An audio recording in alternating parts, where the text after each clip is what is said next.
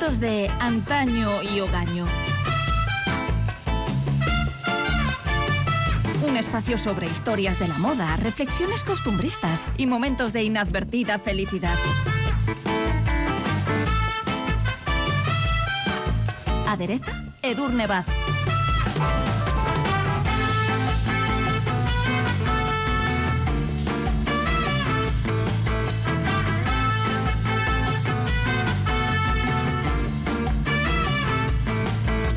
Los dos anteriores episodios de nuestros asuntos de antaño y hogaño repasamos algunos de los vestidos que, por las más diversas razones, han hecho historia. Hablábamos, por ejemplo, de cómo la reina Victoria de Inglaterra popularizó el uso del vestido blanco entre las novias después de elegir un modelo en color crema para su enlace con el príncipe Alberto en 1840. También de cómo fue la reina Victoria la que popularizó el uso del negro como símbolo del luto.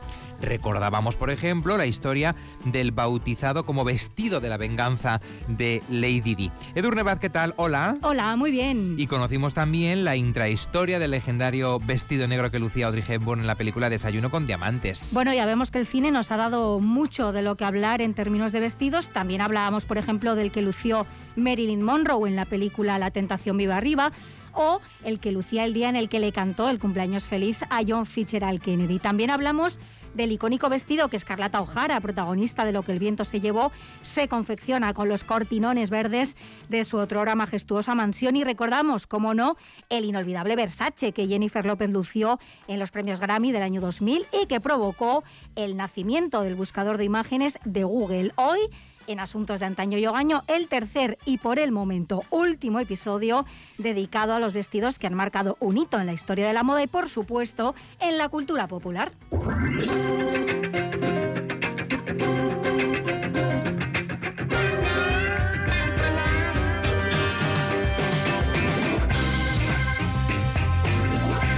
Resulta imprescindible incluir en este repaso a los vestidos que han hecho historia el celebrado wrap dress o vestido cruzado de Diane von Fürstenberg, quien por cierto cuenta también con una biografía digna de mención y Sí. que abordaremos en algún momento. Bueno, ¿cómo surge ese vestido, el wrap dress? Bueno, nos remontamos a 1973 según unas versiones, a 1974 según otras fuentes, y en este momento la diseñadora belga estadounidense dio forma a un vestido cómodo, ligero, confeccionado en algodón o punto, con muy buena caída, que no se arrugaba y que se adaptaba de forma muy favorecedora a los contornos de cualquier cuerpo femenino. También sienta este vestido que se suele decir que es el retoque de Photoshop hecho prenda.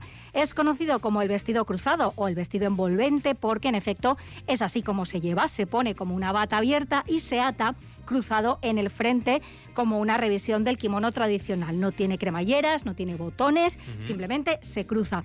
Tiene corte camisero y generalmente un vistoso estampado, puede ser animal print, flores, eh, formas geométricas o cualquier otra variedad imaginable. Una de sus grandes virtudes, además de que sienta como un guante, es su versatilidad. Y es que, en palabras de su propia creadora, esta prenda es como una amiga, una prenda cómplice que lo mismo te sirve para ir a trabajar que para salir a ligar y acabar con un hombre en la cama. Así lo dijo Diane también, textualmente.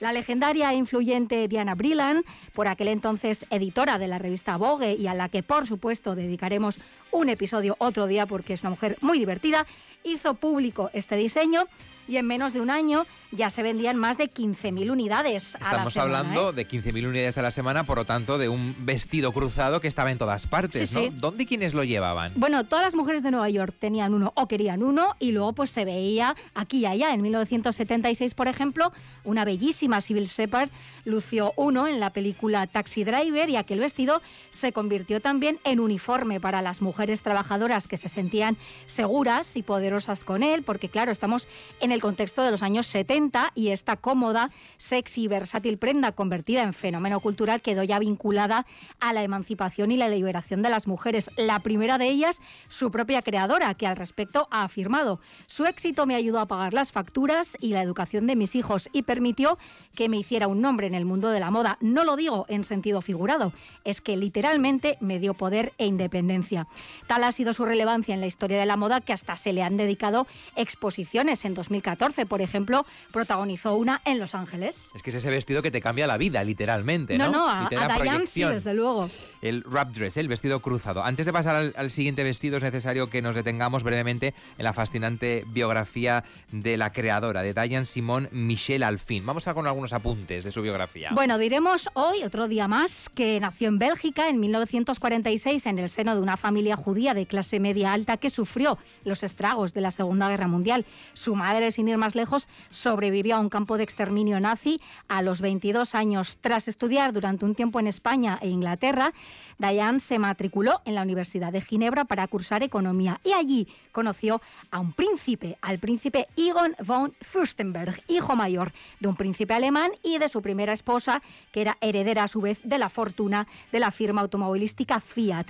Bueno, pues Diane e Egon formaron una de las parejas más mediáticas y admiradas de su época en los 70. Además de trabajar como modelo, ella empezó a aprender diseño, primero en París y más tarde en Italia, y una vez en Nueva York, divorciada de forma amistosa del príncipe y dispuesta a conquistar su libertad financiera, fundó su propia marca a la que dedicaba su tiempo y talento cuando no estaba cuidando de sus hijos o dándolo todo en Estudio 54. Ella apostó por prendas sencillas y pulcras y de pronto le surgió la gran idea, sencilla y aparentemente obvia, como todas las grandes ideas. Pero a alguien se le tiene que ocurrir. Hombre, chupachus, fregona, qué fácil ya, pero no se te ha ocurrido a ti, ¿no? Bueno, pues observó que las mujeres combinaban sus blusas cruzadas con faldas del mismo color, de modo que ella dijo, pues voy a diseñar un vestido basado en esa misma idea. La vida de la emprendedora, carismática y filántropa Dayan, que ha levantado un imperio propio no una, sino dos veces, bien merece un capítulo aparte en nuestra serie dedicada a los influencers de antaño y hogaño, así que sirvan estas pinceladas de hoy como aperitivo.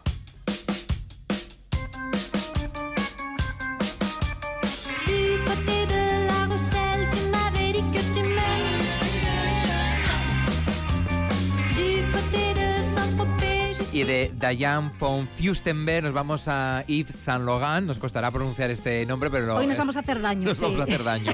Este es más fácil, ¿eh? Yves Saint Laurent, que está de actualidad porque en 2022 se cumplen 60 años del primer desfile que organizó con su propia firma y en su trayectoria podemos encontrar no uno, sino varios vestidos e hitos. ¿Por cuál vamos a empezar? Bueno, en 1966, sin ir más lejos, presentó por primera vez sobre una pasarela el smoking femenino al que ya dedicamos un capítulo. El público público presente en la sala enmudeció porque mujeres en pantalones era el horror máximo, ¿no?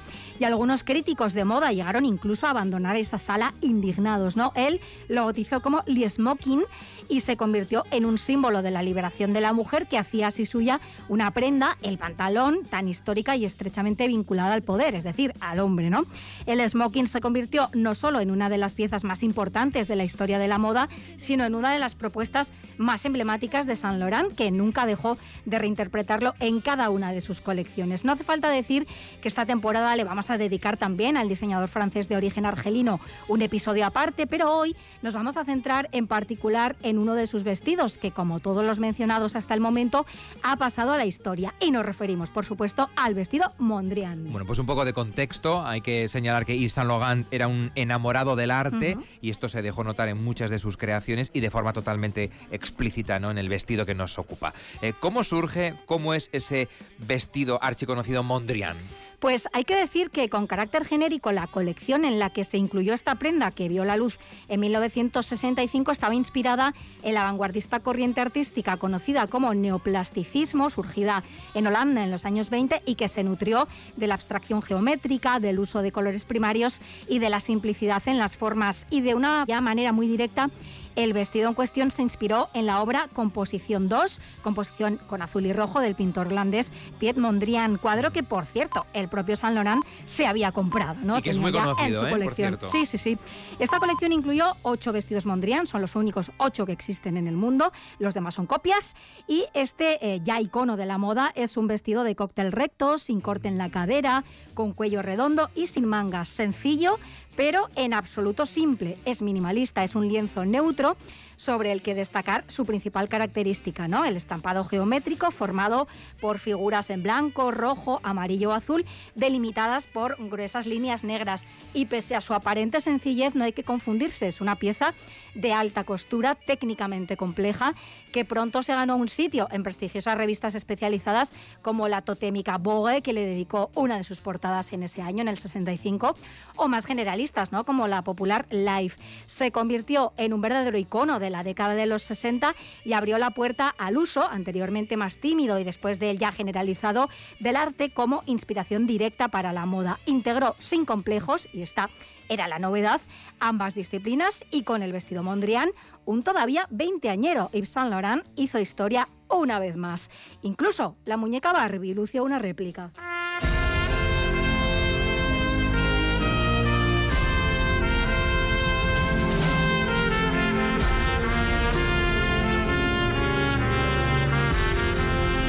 En Asuntos de Antaño y Ogaño estamos con este tercer volumen de vestidos icónicos, vestidos que han hecho historia, y en este inventario resulta intolerable, lo sería, dejar fuera ese traje rosa que lucía Jacqueline Kennedy el 22 de noviembre de 1963, esa aciaga jornada en la que su marido, el presidente de Estados Unidos, John Fitzgerald Kennedy, fue asesinado en Dallas. Todos lo tenemos en mente, pero recuérdanos cómo era ese vestido rosa. Pues era un traje de dos piezas, eh, de falda y chaqueta, de color frambuesa y con un cuello acolchado en azul marino que fue presentado por primera vez en la colección de otoño-invierno de 1961 de Chanel. Bueno, en realidad, según Justine Picardy, biógrafa de Coco Chanel, el traje que lució la primera dama era en realidad una copia elaborada por Chesninon, una popular tienda de ropa que importaba diseños de etiqueta y materiales originales para confeccionar ropa en Estados Unidos de patrones y materiales ojo, autorizados por la propia Coco Chanel. Lo combinó con su ya icónico sombrero pillbox, también en color rosa y reveteado en azul, y con unos guantes blancos. Aquel día mientras desfilaban por Dallas en el asiento trasero de un descapotable saludando a la multitud que se había congregado para darles la bienvenida, JFK recibió un disparo en la cabeza. Y además es que esas imágenes están eh, grabadas, ¿no? En la retina de todos y de todas nosotras, ¿no? Se puede ver a Jackie sobre el cuerpo de su marido, aterrada, desconcertada, bloqueada, sin saber realmente qué hacer. Claro, vemos en esas imágenes cómo intenta recoger impotente, ¿no? Pues parte de los restos biológicos de John que con el disparo pues eh, permitidme la expresión, quedaron esparcidos ¿no? por el vehículo. Y tras el magnicidio se negó a quitarse ese traje empapado con la sangre de Kennedy, ni siquiera se lo quitó durante el apresurado juramento del vicepresidente Lyndon B. Johnson como nuevo presidente de Estados Unidos, que tuvo lugar ahí pues eh, improvisadamente en el Air Force One, en el avión presidencial. Tampoco se lo quiso quitar durante el vuelo de regreso a Washington, ya con el cuerpo de JFK a bordo. Y según las crónicas del suceso, cuando le propusieron hacerlo, ella dijo, no, dejad que vean lo que le han hecho a Jack. ¿no? Cuando a la mañana siguiente se quitó ese traje, su doncella lo dobló y lo guardó en una caja que días después fue entregada a la madre de Jackie. Esta guardó aquella caja en el ático de su casa tras escribir en la parte superior 22 de noviembre de 1963 y ese traje nunca ha sido lavado. Probablemente mucha gente se esté preguntando si ese vestido que ha hecho historia, desgraciadamente historia por lo negro, ¿no? Del momento en el que estaba llevándolo Jackie Kennedy, se estarán preguntando dónde está ese vestido. Bueno, es una pieza muy valiosa, ¿no? Eh, actualmente se custodia en un lugar secreto de Maryland bajo la supervisión de los archivos nacionales y fuera de la vista del público. Se sabe, eso sí, que se encuentra en un contenedor libre de ácido en una habitación sin ventanas, con la temperatura y los niveles de humedad controlados para evitar la degradación del que se considera un tesoro nacional, símbolo de la historia de Estados Unidos, que ha sido descrito como emblemático del fin de la inocencia. El traje no va a ser mostrado en público, al menos hasta 2103, por expreso deseo de Caroline Kennedy, única hija superviviente del matrimonio presidencial, y entonces, cuando además se van a cumplir 150 años del se decidirá qué hacer con él, si es mostrado en algún recinto museístico o se sigue manteniendo a buen recaudo.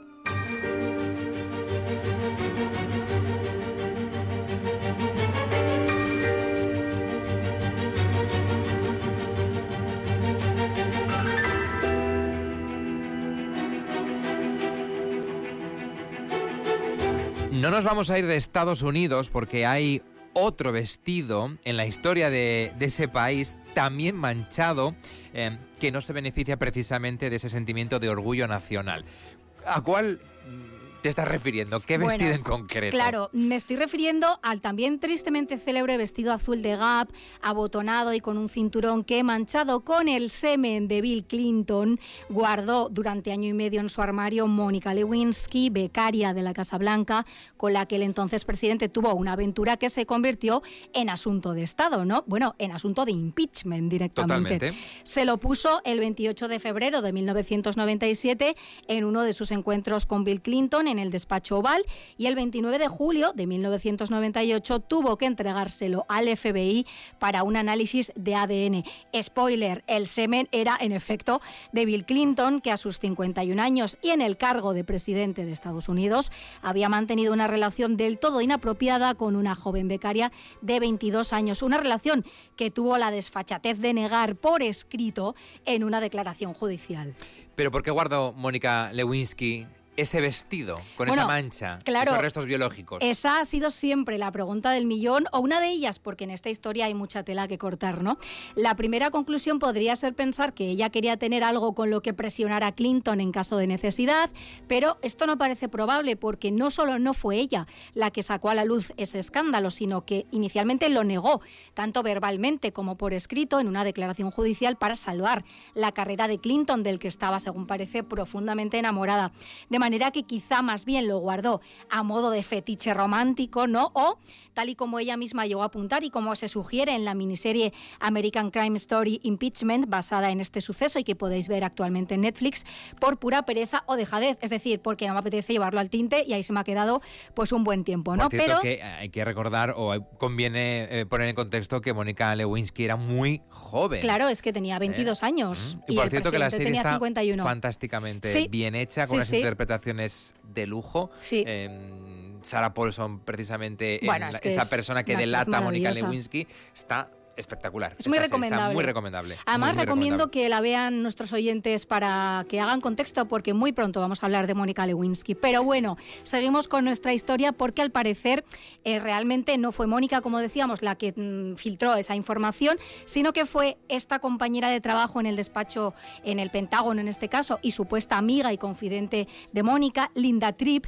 que fue quien realmente filtró la historia y la que le sugirió que no lavara ese vestido, porque claro, ella ya había vendido esa historia y decía, necesito que esa prueba pues siga operativa, ¿no? Le dijo que lo mejor era que guardara el vestido en una bolsa de plástico y que lo metiera en una caja junto a otros de los tesoros del presidente. Se refería a los regalos que Mónica Lewinsky y Clinton habían intercambiado durante su idilio, ¿no?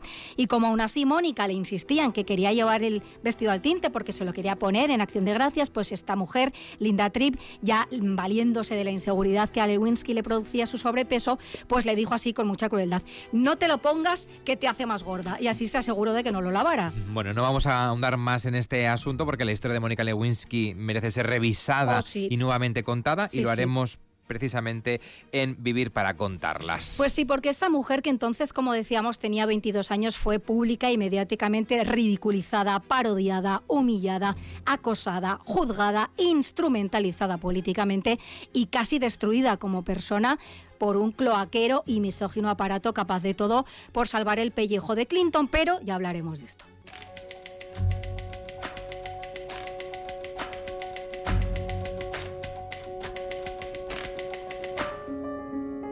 Y terminamos nuestro repaso con otro de los muchos vestidos que han competido ferozmente por entrar en esta lista de los más icónicos del séptimo arte. Se trata, en este caso, del precioso vestido lencero que luce Keira Knightley en la película Expiación, dirigida por Joe Wright y estrenada en 2007, que adaptó, por cierto, la novela homónima de Ian McEwan. Sí, narra la historia trágica de amor, ¿no? De Cecilia, una joven de familia acomodada de la campiña inglesa, y Robbie, el hijo de su ama de llaves, con el telón de la Segunda Guerra Mundial de fondo y con un oscuro secreto que desata el irreversible drama. En la novela original, el autor ya dio pautas más que suficientes a la futura figurinista, porque en ella podemos leer: arrojó el vestido rosa encima del negro y pisando desdeñosa las prendas en el suelo, cogió el vestido de fiesta, el verde sin espalda que había estrenado después de los exámenes. Mientras se lo ponía, aprobó la caricia firme del corte al bies de la seda de la enagua y se sintió grácilmente inexpugnable, escurridiza y segura. Fue una sirena la que se alzó para recibirla en el espejo de cuerpo entero. Y esas palabras no se sirvieron ¿no? para inspirar a la diseñadora del vestuario británica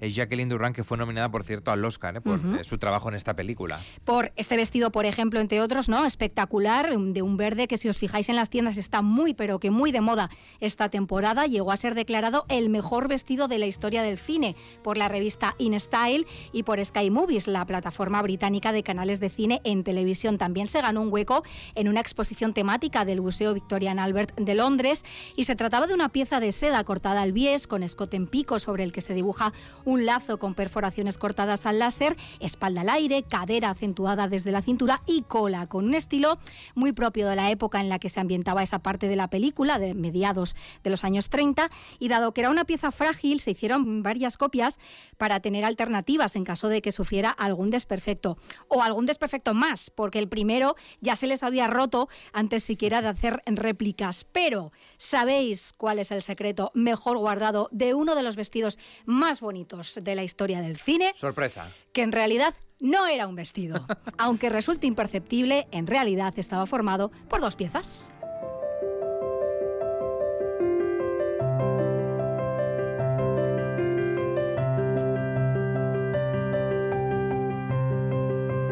Y llegamos así al final y cerramos hoy, como prometíamos, nuestra serie de episodios consagrados a los vestidos que han hecho historia. No porque no haya eh, más ejemplos dignos de mención, sino por atender también a otros asuntos sí, vamos a cambiar traídos a Ogaño. De tema, pero bueno, tiempo habrá de dedicar los minutos que merecen a otros iconos que se han quedado en el tintero, como por ejemplo el vestido de Elfos, creado por el diseñador de origen español Mariano Fortuny en 1909, la artística pieza conocida sencillamente como vestido número 3 del genial pero atormentado diseñador británico Alexander McQueen o el vestido lencero que reinó en los 90 impulsado de forma definitiva por la icónica modelo Kate Moss.